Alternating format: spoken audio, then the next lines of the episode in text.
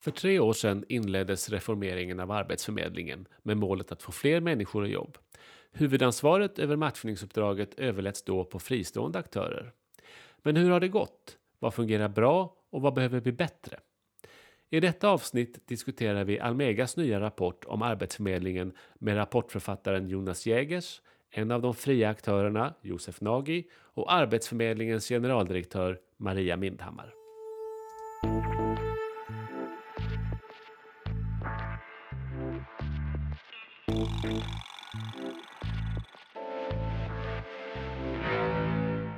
Jag är jätteglad att alla är här. Jag tänker att vi börjar med en liten presentationsrunda. Varsågod. Maria, vem är du? Ja, vem är jag? Eh, jag är generaldirektör för en av Sveriges största myndigheter, också viktigast brukar jag säga, Arbetsförmedlingen sedan knappt eh, tre år tillbaka. Så det är väl min roll i den här frågan.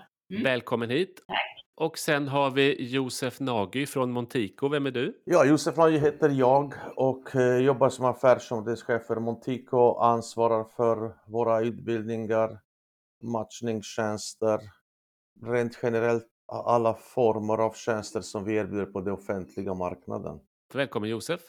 Och sist då, Jonas från Utbildningsföretagen. Ja, näringspolitisk expert, älskar arbetsmarknadsfrågor. Det gör vi ju alla och det är därför vi sitter här. Jättekul att ni alla kunde ta er tid. Och jag tänkte innan vi går in och diskuterar den AF-rapport som Jonas och utbildningsföretagen har tagit fram så är jag lite nyfiken på eh, dig Maria, precis som du nämnde Sveriges kanske viktigaste myndighet.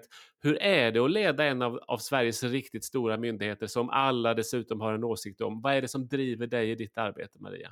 Nej, men det är naturligtvis ett, ett komplext uppdrag, eh, men jag har svårt att tänka mig något mer tillfredsställande än att få arbeta med de här viktiga frågorna.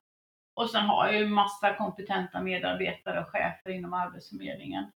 Eh, och jag tycker att det är bra, för det finns ju många åsikter om Arbetsförmedlingen och det är bra att vi diskuterar och debatterar som vi gör idag. Eh, det är så viktiga frågor så de ska inte stanna på Arbetsförmedlingen eh, bara. Så jag drivs av viljan att vara med och utveckla landet, utveckla också statsförvaltningen och naturligtvis att leda medarbetare och chefer framåt. Så att det är ungefär lite kort hur jag känner. Men det låter ändå som du är, du är peppad på ditt arbete. Och ni, ni på Arbetsförmedlingen har ju varit inne i en förnyelseresa och en ganska gedigen reform nu ett tag. Vad, vad är din bild av reformen så här långt? Ja, alltså egentligen så tänker jag med förnyelseresor och annat att alla myndigheter och organisationer måste ju utveckla sig hela tiden och där är ju inte Arbetsförmedlingen något undantag. Eh, och vi har ju haft eh, bakåt i tiden en stor utvecklingsskuld, inte minst vad gäller digitalisering, eh, som har gjort att vi, liksom, det är en nödvändig diskussion det här med reformering. Och det har ju varit rätt så stort och det tar ju avstamp, eller rätt sagt det har ju varit hela tiden diskussion om arbetsmarknadspolitiska frågor, Arbetsförmedlingens roll och så. Men, men det är väl januariavtalet där, där en av punkterna var just reformering av Arbetsförmedlingen. Eh, där man pratade just om fristående aktörer skulle jobba mer med matchning än vad Arbetsförmedlingen skulle göra och vi skulle jobba mer med upphandling, kontroll och så vidare. Det var expertmyndighet då. Och jag har tänkt hela tiden här att vi ska leverera det som eh, uppdragsgivaren begär av oss. Jag tror att det är jätteviktigt. Eh, jag tycker att det gått bra tillsammans med de fristående aktörerna så här långt. Eh, inte minst liksom när pandemin skakade. Sen har januariavtalet fallit man har väl sett att Arbetsförmedlingen har en viktigare roll än man kanske först tänkte på, så nu börjar man ju fråga mer efter oss i egen regi. Men i kombination fortsatt med eh, fristående aktörer. Josef, du är ju en av de här fristående aktörerna som Maria pratar om. Vad är, vad är din bild av reformen och läget innan och vad som nu har hänt? Hur behövdes den här typen av reform? Nej, nej men jag vill, jag vill bara instämma i, i, i det Maria har nämnt att Arbetsförmedlingen har en, en väldigt stor och komplext uppdrag i, i, i många olika områden. Och, och, jag tror att genom att låta de fristående aktörerna fokusera på matchningen så får vi ett, ett, en förbättring av utfallen av resultaten. Eh, jag, jag, jag, anser det rent generellt i en organisation att människor måste kunna få fokusera på det de är väldigt bra och duktiga på. Hur anser du att det har gått hittills i reformen? Har, har, har ni fått det utrymme som Tycker du att reformen har givit det resultat som man eftersträvar? Alltså vi är på väg. Alltså vi, vi måste säga så här att under en, en väldigt kort tid har vi fått pröva en ny tjänst. Eh, sen eh, beslut som fattas av, av eh, politiken gjorde att den här tjänsten har under, på väldigt snabb, under väldigt snabbt och kort tid eh, lanserats i hela landet. Jag tycker att det går åt rätt håll. Jag anser att eh, tjänsten Rusta och matcha är avsevärt bättre konstruerat och individualiserat. För det är det som är det viktiga, att, att varje individ måste mötas utifrån eh, sin egen behov. Så, man, så du, man kan säga att du, det är ett väldigt viktigt steg i rätt riktning, tolkar jag dig som eh, Josef? Absolut. Ja. Jonas, du har ju skrivit en rapport åt utbildningsföretagen med titeln Så fortsätter vi reformera Arbetsförmedlingen. Hur, hur är din bild på situationen innan reformen och det som nu har hänt om du skulle sammanfatta lite kort? Hur, hur långt har man kommit? Jag, jag tror att bra först etablerat att liksom Arbetsförmedlingens roll har förändrats genom åren precis som, som Maria är inne på att liksom alla myndigheter utvecklas och förändras. Och ett sätt är när någon säger att som, namnet som man har kanske inte speglar det man gör idag. Och så var det även innan reformen. Det förmedlas ju inte så mycket jobb i Arbetsförmedlingen, däremot har många andra viktiga uppdrag. Och, och, och, där ser väl jag att, att, reformeringen är viktig utifrån den aspekten. Dels att vi får rätt förväntningar på myndigheten men även att vi får fler personer som får aktiv, eh, alltså aktiva insatser inom arbetsmarknadspolitiken där man såg att, att det var väldigt låga nivåer av hur många som fick ta del av aktivt stöd som kanske behövde det. Och det är väl egentligen det viktigaste med, med reformeringen att, att man säger att ja, men nu ska vi faktiskt hjälpa allt fler människor att komma i arbete och få till en bättre matchning genom olika, inte bara genom matchningstjänster utan olika tjänster då på arbetsmarknaden. Maria, lyckas ni med det? Får ni fler i arbete eller finns det förbättringsmöjligheter som du ser att man, det finns mer att göra? Eh, ja, alltså det är väldigt, väldigt svårt att jämföra mellan åren eftersom eh, de, gruppen arbetslösa förändras hela tiden. Eh, och nu har vi en jättebra arbetsmarknad så det bara att spruta ut folk från Arbetsförmedlingen. Många får jobb väldigt, väldigt snabbt. Men sen har vi den här långtidsarbetslösheten då med många som står allt längre ifrån arbetsmarknaden. Eh, och arbetsmarknaden är ju i stark förändring så att det är väldigt svårt att jämföra. Det är också svårt att jämföra eftersom de fristående aktörerna har en viss grupp personer arbetslösa och vi jobbar med en annan grupp. Eh, men jag tycker att vi tillsammans Svaret är egentligen ja. Jag tycker att vi tillsammans får ut fler och fler hela tiden, men det har också med ekonomi att göra.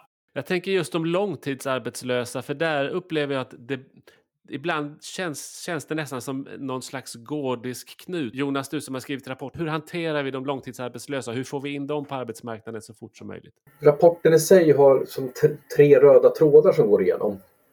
Och det, det här är en fråga som, som man behöver besvara. För att gå tillbaka till, till Josef sa kring rusta, och matcha eller Krom så liksom visar det goda resultat men vi behöver bara se det som starten på en fortsatt reformering. Det är lätt att den klär liksom, så att säga, bilden av att det här är reformeringen men det behövs så mycket mer för att bli effektiv.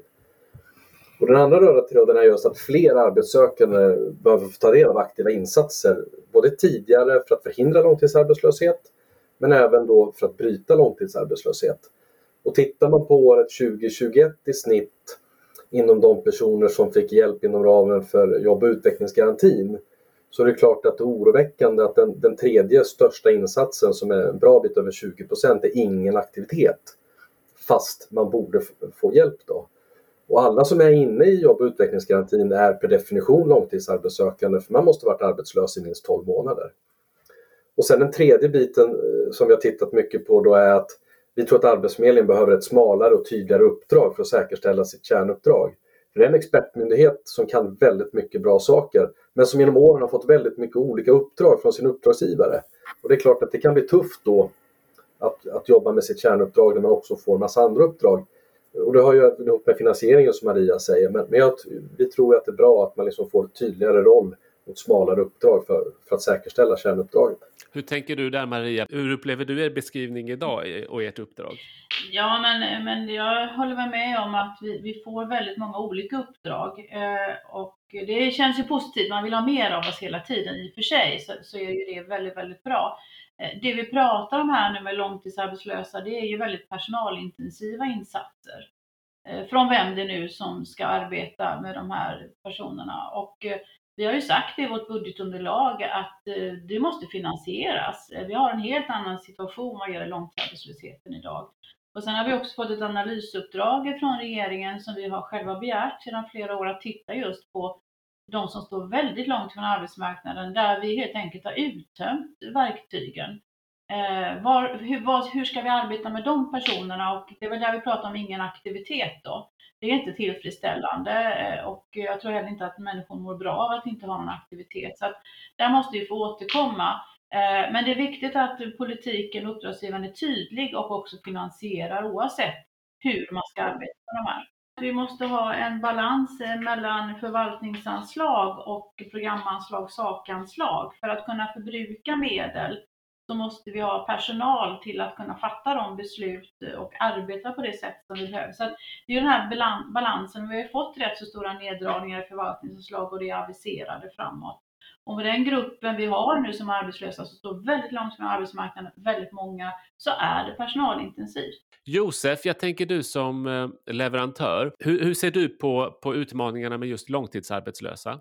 Alltså det där är en väldigt viktig fråga som, som har pratats om länge och, eh, och mycket.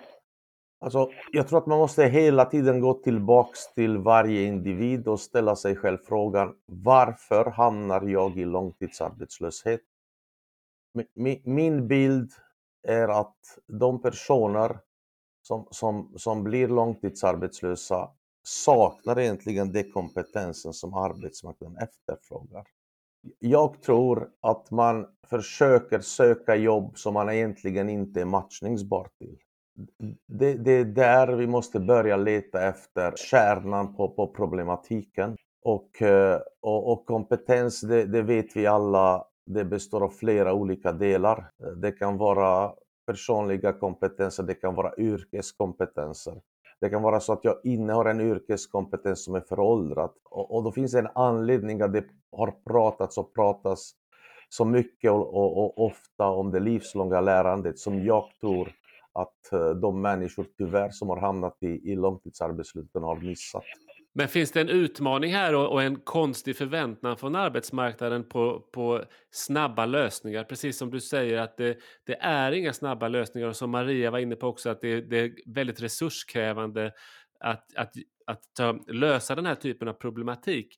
Och, men hur, hur, ska man, hur kan man då göra för att liksom på ett smart sätt få så många jobb och samtidigt faktiskt se till att vi får den kompetens som behövs i, i arbetsmarknaden. Jonas, har, har rapporten några förslag på det? Vi har ett litet systemfel idag eh, där vi bara fokuserar på den långtidsarbetslöshet som redan finns samtidigt som vi skapar ny. För det är så att när du skrivs in idag som arbetssökande så även om man bedömer redan i, i den första arbetsmarknadspolitiska bedömningen att du löper stor risk för långtidsarbetslöshet så måste man vänta på insatser. Och det i sig skapar ju problem för vi vet att tiden du är arbetslös spelar väldigt stor roll för din chans att få ett jobb. Eh, det, så enkelt är det. Det andra är att vi har fortfarande massa nya vägar att, att, att gå och testa hur det kan fungera. För det finns också många långtidsarbetslösa som får jobb. Eh, och då ser vi ofta att det är individuellt stöd för dem som utifrån deras behov och deras så att säga, möjligheter som man tittar på och framförallt tittar på möjligheter. Så att genom att göra nya tjänster och i rapporten pratar vi om ett, ett fåtal tjänster men som är väldigt breda och väldigt anpassade utifrån individuella upplägg så kan vi nog komma åt även den här gruppen.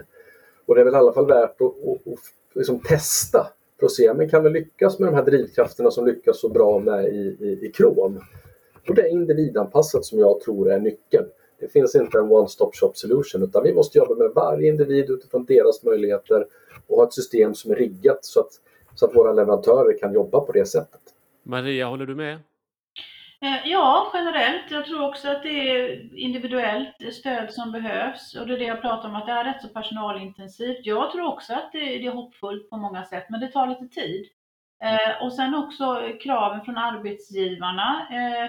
Eh, där man måste fundera på, måste man kunna prata perfekt svenska till exempel? Det kanske går bra med engelska och så vidare. Och sen har vi naturligtvis kommunerna, för utbildning är ju viktigt och det är ju en långsiktig satsning som måste fungera den vägen. Eh, men absolut, eh, jag hoppas verkligen inte jag låter som att jag inte är hoppfull, utan det är jag på många sätt. Men jag tror liksom inte det är någon quick fix. Förutom att arbetsgivarna också måste fundera på att i den här situationen man behöver arbetskraft, att man funderar på vad man verkligen kräver i sina annonser bland annat. Där, där tror jag också att, att den kontakten som, som eh, leverantörerna som Josef eh, och många andra har inom, inom matchningstjänsterna, man har nära kontakt med näringslivet och, och, och arbetsgivarna tror jag är jätteviktigt. För det är inte alltid att det är en annons ute som är den man matchar mot utan man kan hitta behov och, hos företagen utifrån individen man har när man jobbar nära. Så det, den nyckeln tror jag är jätteviktig. Att den här liksom, dialogen och diskussionen man har med arbetsgivare på sin lokala arbetsmarknad. Och det gäller alla grupper av arbetssökande. Där kan jag hålla med. Dialogen med arbetsgivare och kontaktnät är ofta det man saknar när man är långtidsarbetslös. Det är väldigt viktigt också, ja. Jag tänker Josef, du som leverantör och det som Maria och Jonas pratar om här, kontaktnätet med, med arbetslivet. Hur viktigt anser du att det är för att lyckas med insatserna oavsett om det är krom eller om det är andra typer av insatser för att få folk i jobb? Ja, jag, jag vågar säga att det är det absolut viktigaste. För, för, det är den vägen vi kan inhämta som leverantörer både av utbildning eh, eh som matchningstjänst vilken exakt kompetenskrav de ställer. Det är där man kan också ha de här dialogerna som, som eh, Maria nämner. Är det verkligen viktigt att ha alla de här kompetenserna som, som, eh, som är idealbilden för en viss tjänst eller, eller uh, inte? Mm. Det, det, det är också så att, att, att jag ser mer och mer arbetsgivarna vill delta i, i dialog och diskussion med oss. Och, och, det är klart inte minst på grund av att vi har en, en, en växande eh, kompetensbrist mm. inom flera branscher samtidigt. Men om man tittar på Chrome då som tjänst först och främst så har ju den fått, eh, den lyfts ofta fram, precis, och ni har gjort det allihopa, som en framgångsrik tjänst i Arbetsförmedlingens arsenal. Och vad är det som gör den så framgångsrik förutom då att det är närheten till, till arbetsgivarna som är en del i den, eh, Josef? Vad är det som gör Chrome så, så bra? Alltså jag, jag vågar påstå att, att det, det tillåter, alltså avtalet och tjänstens konstruktion tillåter oss leverantören att, att verkligen anpassa innehållet individuellt det, det, det, är en väldigt, väldigt viktig detalj. Mm. Alltså det, det, är så att varje individ har olika bakgrund, olika behov. Det, det tror jag är, är, är, är, det mest grundläggande. Sen tycker jag också att om vi jämför med tidigare eh, matchningstjänster, just det att, att besluten är något längre. Om vi jämför, det var tre månader i taget i, i stöd och matchning, här har vi sex månader i, i första, i del 1 om vi kallar det så, i Chrome gör också att vi har en helt annan möjlighet att jobba med individen som behöver rustande insatser. Men Jonas, i rapporten så förstår jag ändå att man, eh, man skulle kunna nyttja Chrome mycket större än man vad gör. För om, om jag förstår saken rätt Jonas, att det finns det ett stort antal bedömningar som sen inte leder till anvisningar. Stämmer det Jonas? Mm. Eller framförallt ska vi säga att det är en, en väldig skillnad beroende på var i landet du bor. I AFs egna rapportering och utvärdering så ser man väldigt stora skillnader mellan hur många som faktiskt får beslut i det här nya då, beslutsunderlaget som man får via ett statistiskt underlag som är, som är så att säga AI-styrt. Då. Eh, och, det skiljer mellan de olika leveransområdena väldigt stort. Dessutom så ska man ange varför man inte följer beslutet, vilket också skiljer väldigt stort. Eh, så bara det gör att vi inte får likvärdig bedömning i, hela landet. Eh, och sen är det som, som vi säger, eftersom att tjänsten är väldigt så att säga, differentierad utifrån varje individ så är det klart att fler skulle kunna gå där eh, än vad det gör idag av den enkla anledningen. Och sen vill jag återkomma till då just det här att du ska ha väntat då i, i minst 12 månader för att vara aktuell för tjänsten gör ju i sig att vi vet att de som redan löper en risk att bli långtidsarbetslösa inte får hjälp tidigare. Och där finns det lite problem med kring eh, regelverk med a-kassa och så vidare men det är någonting som, som jag hoppas och tror att politiken tittar på för då kan vi också så att säga, motverka arbetslösheten. Eh, så att vi, alltså den långtidsarbetslösheten som vi pratar om här, så att vi inte vi hamnar där. Och det är ju egentligen det bästa receptet. Mm. Det finns ju naturligtvis inbakat i, ska man jobba med individuella tjänster så är det klart att det kan skilja sig åt över landet. Men Maria, beror, beror de här skillnaderna, stämmer den bilden som Jonas ger också med din bild du har att det, det skiljer sig åt över landet hur man blir anvisad till Krom och vad beror det i sådana fall på, tror du? Alltså, vad man kan säga är att vi har ju infört Rusta och matcha under en pandemi. Att vi har lyckats överhuvudtaget tillsammans är ju enormt, om man liksom får inleda där. Och vi jobbar ju med AI-baserat eh, bedömningsstöd. Jag tycker att generellt fungerar det rätt så bra. Vad som har hänt är att vi under pandemin nu kände att aktivitet var så viktigt när det bara strömmade in arbetslösa till oss. Vilket innebär att vi före långtidsarbetslösheten fattade massa beslut om anvisningar. Sen har ju liksom arbetsmarknaden vänt drastiskt så att eh, det är väldigt många som bara kommer in på Arbetsförmedlingen och ut igen och då får vi ju väldigt goda resultat på Rusta och matcha.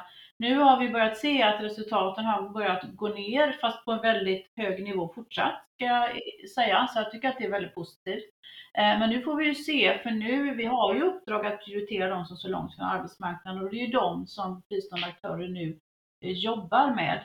Eh, och vi har också fått tydliga direktiv att vi ska ha en bredd av insatser där fristående aktörer, Rusta och Matcha är en del i, i våra aktiviteter så att säga. Eh, men visst är det så att vi jobbar med att eh, titta på bedömningsstöd så att det blir likvärdigt över hela landet. Absolut gör vi det. Och bara för att flika in där Johan, då, alltså, det, det med vi som anvisningar här är ju att eftersom att arbetsförmedlaren liksom personligen kan gå in och ändra det beslut som bedömningsstödet har tagit. Den säger att den här personen passar väl för Rust och matcha. Så kan de gå in och ta ett beslut som säger att nej, personen ska inte till Rust och matcha.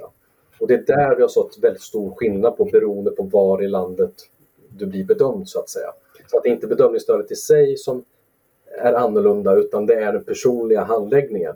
Och det är ju någonting som vi, i alla fall jag tycker att vi bör ha koll på. Varför skiljer det sig? Och då när det finns en rutin hos Arbetsförmedlingen att man ska motivera varför man gör en annan bedömning och majoriteten i den rapporten AF hade sa att jag har inte lämnat en, en, en motivering varför. Ja, då får vi problem för då kan vi inte heller följa det och på så sätt så kanske så att säga, göra bedömningsstödet bättre. För den datan saknas från, från dem. Så det är den delen av anvisningar jag fann väldigt problematiskt i det här arbetet. Absolut, och, och den är ju ett tag sedan också, det är mitt under pandemin och jag vågar hävda att vi ser, det är det jag menar med bedöm, jobba med bedömningsstödet, alltså stöd i de olika delarna. Sen är det väldigt många av dem som då inte blir anvisade till Rusta matcher har ju fått jobb eller gått till utbildning, hänt något annat. Och sen har också politiken i, i departementsskrivelsen pratat, gått mer över från från liksom det här med januariavtalet till att det ska vara en bredd av insatser och det måste vi jobba i dialog med eh, politiken. Men absolut kan jag ställa mig bakom att vi måste jobba med hanteringen efter bedömningsstödet, absolut. Mm. De, den här bredden av insatser du pratar om eh, Maria och e, en insats som, som ju vi har pratat mycket om tidigare är ju gammal hederlig arbetsmarknadsutbildning också. Den har ju, upplever jag, ibland fått ganska eh, ofta fått oförtjänt skäll. Arbetsmarknadsutbildning Jonas, va, hur är läget där idag? Ja, men det, det är ju tyvärr på rekordlåga nivåer av, av många anledningar. Eh, trots att då regleringsbrevet säger att det ska upp rejält i, i, i deltagarantal. Och vi ser de sista åren att, att andelen som får jobb har gått upp väldigt mycket. Och då är det klart att det är oroväckande att, att eh, det sker så få anvisningar. Och där tar vi rapporten upp eh, en tanke och en idé om att den, om man anvisas till, till en eh, fristående leverantör inom till exempel Rust och Matcha så ska en väg ut kunna vara till just arbetsmarknadsutbildning precis som det är till, till det reguljära utbildningssystemet. Och där tror jag att om man dessutom sen får ta tillbaka den deltagaren in i matchningstjänsten efter man är klar med, med arbetsmarknadsutbildningen så får man också hjälp med den här kontakten som Maria pratar om med, med det lokala näringslivet eller, eller arbetsmarknaden som man ofta saknar. Så att, här tror jag att vi tillsammans, precis som vi jobbat tillsammans med Rust och Matcha och den implementeringen, kan jobba tillsammans med att få upp deltagarantalet. Med det sagt så menar jag inte att, att leverantörerna ska kunna anvisa rent myndighetsutövningsmässigt till tjänsten utan det måste Arbetsförmedlingen få fortsätta göra. Men man skulle kunna göra väldigt tydliga och goda rekommendationer för en individ som är motiverad och, och anses ha kapacitet att eh, ta till sig en arbetsmarknadsutbildning. Vi pratar om ersättningssystem också för fristående aktörer när man då motiverar och vägleder en person till att börja olika delar, till exempel arbetsmarknadsutbildning eller något annat, utbildning eller gå till arbete. Där tittar vi just på det eh, eh, som, som eh, Jonas nämnde här, att, att titta på hur ska det kunna utformas. Vi håller ju nu på med att utveckla matchningstjänsten och arbetar med det. Vad gäller arbetsmarknadsutbildningar generellt så tycker vi själva att vi ligger för lågt. Eh, så vi jobbar intensivt med det. Vad vi ser är att vi lyckas inte fylla alla platser därför att kraven hos arbetsgivare och därmed att komma in på arbetsmarknadsutbildningar är väldigt höga, inte minst språkkravet. Eh, vi har till exempel eh, körutbildningar, buss och lastbil och där måste vi jobba tillsammans då. Så att vi, vi, vi har det under lupp, samtidigt tillbaka till vad vi sagt, att vi måste ha personal för att kunna fatta beslut. Och här är det ett typiskt exempel på det där vi liksom, det är inte balansen mellan kraven och vad vi ska nyttja i våra medel riktigt lever ja, det är inte balans däremellan. Och om man slänger ut frågan till, till alla här när det gäller just balansen och kanske också mellan system, att det behövs mycket språkutbildning och det behövs olika insatser. Behöver vi en bättre balans på, på övergripande nivå mellan olika insatser, alltifrån komvux, SFI till arbetsmarknadsutbildning och matchningstjänster, saknar vi ett helhetsgrepp om individen som vi kanske skulle behöva få till? Vad tänker ni där? Det där varierar från yrke till yrke. Det varierar från utbildning som till utbildning. Som det. Jag kan säga så här att jag, jag kan tala för, för oss själva inom Montico och jag vet att andra kollegor har, har också det vi, vi har flera, inom flera olika områden kombinationsutbildningar där vi bedriver SFI parallellt med industriutbildning. Och, och, och, det är det jag tror kan vara en av lösningarna för de personer som, som, är, som, som bedöms någonstans längre fram språksvaga, som har gått en allmän utbildning i svenska, som är nya i, i, i landet och där när man kommer till yrkesutbildningen så har man absolut ingen ordförråd. Man, man, man, har ingen möjlighet att tillgodogöra sig det. Så, så då, då, tror jag att man måste titta steget innan, för det, det är fullt möjligt eh, inom ramen för, för de aktiviteter som eh, individen ska ha under sin etableringstid att vara på en yrkesprogram halva tiden och, och, läsa svenska på halva tiden. Då tror jag att man, man löser problemet tidigare. Vi jobbar med en portfölj av olika insatser på olika delar av systemet och så gäller det att få dem att lira med varandra och, och det är jättepositivt. Men vi, precis som Arbetsförmedlingen, har ju också en utmaning med att, att yrkesvux till exempel, som är en bra väg eh, för att ta sig in på arbetsmarknaden, i vissa kommuner saknar vissa inriktningar Eh, för att man, man kör inte dem för det är för investeringstungt. Dessutom kan det vara så att man har bara terminsstarter i augusti och januari, så du får vänta väldigt lång tid. Så där vill man ju se att det liksom finns ett större utbud och som är beredda att ha fler starter så att man inte behöver vänta. Sen tror jag det här med språkproblemet som kan vara ett hinder. Vi tittar ju också i rapporten en del på det här med anställningsstöd och göra det enklare och tydligare att en individ redan i processen när vi jobbar med dem hos leverantörerna att vi vet att den har möjlighet att få till exempel ett nystartsjobb eller ett, ett lönebidrag så att man kan presentera det redan där för arbetsgivaren så att de vet att okej, okay, vi kanske behöver ta ett lite större ansvar när, när vi får den här nya medarbetaren, men vi får i alla fall lite alltså kompensation för det. För vi vet också att språket lär du dig allra bäst på en arbetsplats där du ska använda det. Eh, SFI all ära, men, men det, det blir ännu bättre när du får göra det på, på, på din arbetsplats. Vad gäller samarbetet med kommunerna, för kommunerna äger mycket av utbildningsfrågan, så är den oerhört viktig och där ser vi nu en förtätning i samarbetet mellan arbetsmarknadspolitik och utbildningspolitik och det är väldigt, väldigt viktigt eh, så att kommunerna får förutsättningar att kunna utbilda i den takt som vi alla kräver. För det kräver vi faktiskt framöver och det att det är flexibelt på olika sätt.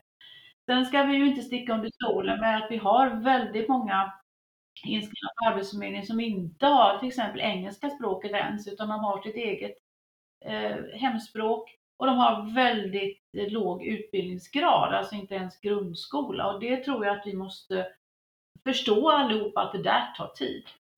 Hur, jag förstår att det ser olika ut över landet, men hur är, kan du ge någon generell, hur ser dialogen mellan Arbetsförmedlingen och kommunerna ut? Har ni, är det en bra dialog för att hitta rätt insatser eller finns det mer att göra? Jag tycker att det är en bra dialog med kommunerna och vi håller just nu på att skriva överenskommelser just kring samverkan med kommunerna tillsammans med SKR eh, bland annat och det känns väldigt, väldigt bra. Sen är kommunernas förväntningar på Arbetsförmedlingen oerhört höga och där måste vi ta dialogen med uppdragsgivaren till att kunna möta de delarna. Det har väldigt mycket med försörjningsstöd att göra också, att det är kostsamt för kommunerna att ha arbetslösa medborgare hos sig. När vi, när vi pratar här allihop så hör jag återkommande att just det individuella perspektivet är en del i nyckeln och vägen framåt. Om vi skulle runda av lite här och ni var och en får ge er bild av det viktigaste att gå vidare med när det gäller att fortsätta eh, reformera Arbetsförmedlingen och fortsätta bedriva ett bra arbete här. Eh, Jonas, vad skulle du säga? Vad, vad är det viktigaste nästa steget för att ytterligare ta tillvara på alla möjligheter som finns här? Oj, måste jag välja en? Uh, uh, nej, men, ja, men jag tror uh, att, att, ta med sig de här lärdomarna vi har nu från, från de positiva resultaten med Krom och sen fortsätta att verkligen jobba med aktiva insatser för så många som möjligt, möjligt som är individuellt anpassade. Det tror jag är, är liksom nyckeln framåt. Mm. Josef, vad är din, din framgångsrecept? Alltså Arbetsförmedlingen har fått i uppdrag av politiken att vidareutveckla matchningstjänsten Krom. Jag, jag anser att det är oerhört viktigt att göra detta i samspel och tillsammans med leverantörerna. Det, det, det, tycker jag är det absolut viktigaste jag vill skicka med. Alltså vi har utvecklat Krom tillsammans Låt oss fortsätta det jobbet tillsammans. Då blir det ännu bättre. Tack så mycket. Och Maria, sist ut, vad är, vad är din bild? Hur hjälps vi åt att ytterligare vässa era tjänster? Ja, men det är ju aktiva insatser för de arbetslösa. Jag tror att det är personalintensiva insatser i olika former eh, och individuellt anpassade sen är ju långtidsarbetslösheten, det, det är en nationell angelägenhet eh, som vi måste fortsätta arbeta med tillsammans. Jättebra. Stort tack allihop för att ni tog er tid att medverka och diskutera de här viktiga frågorna. Tack snälla allihop. Tack och ha det bra övriga.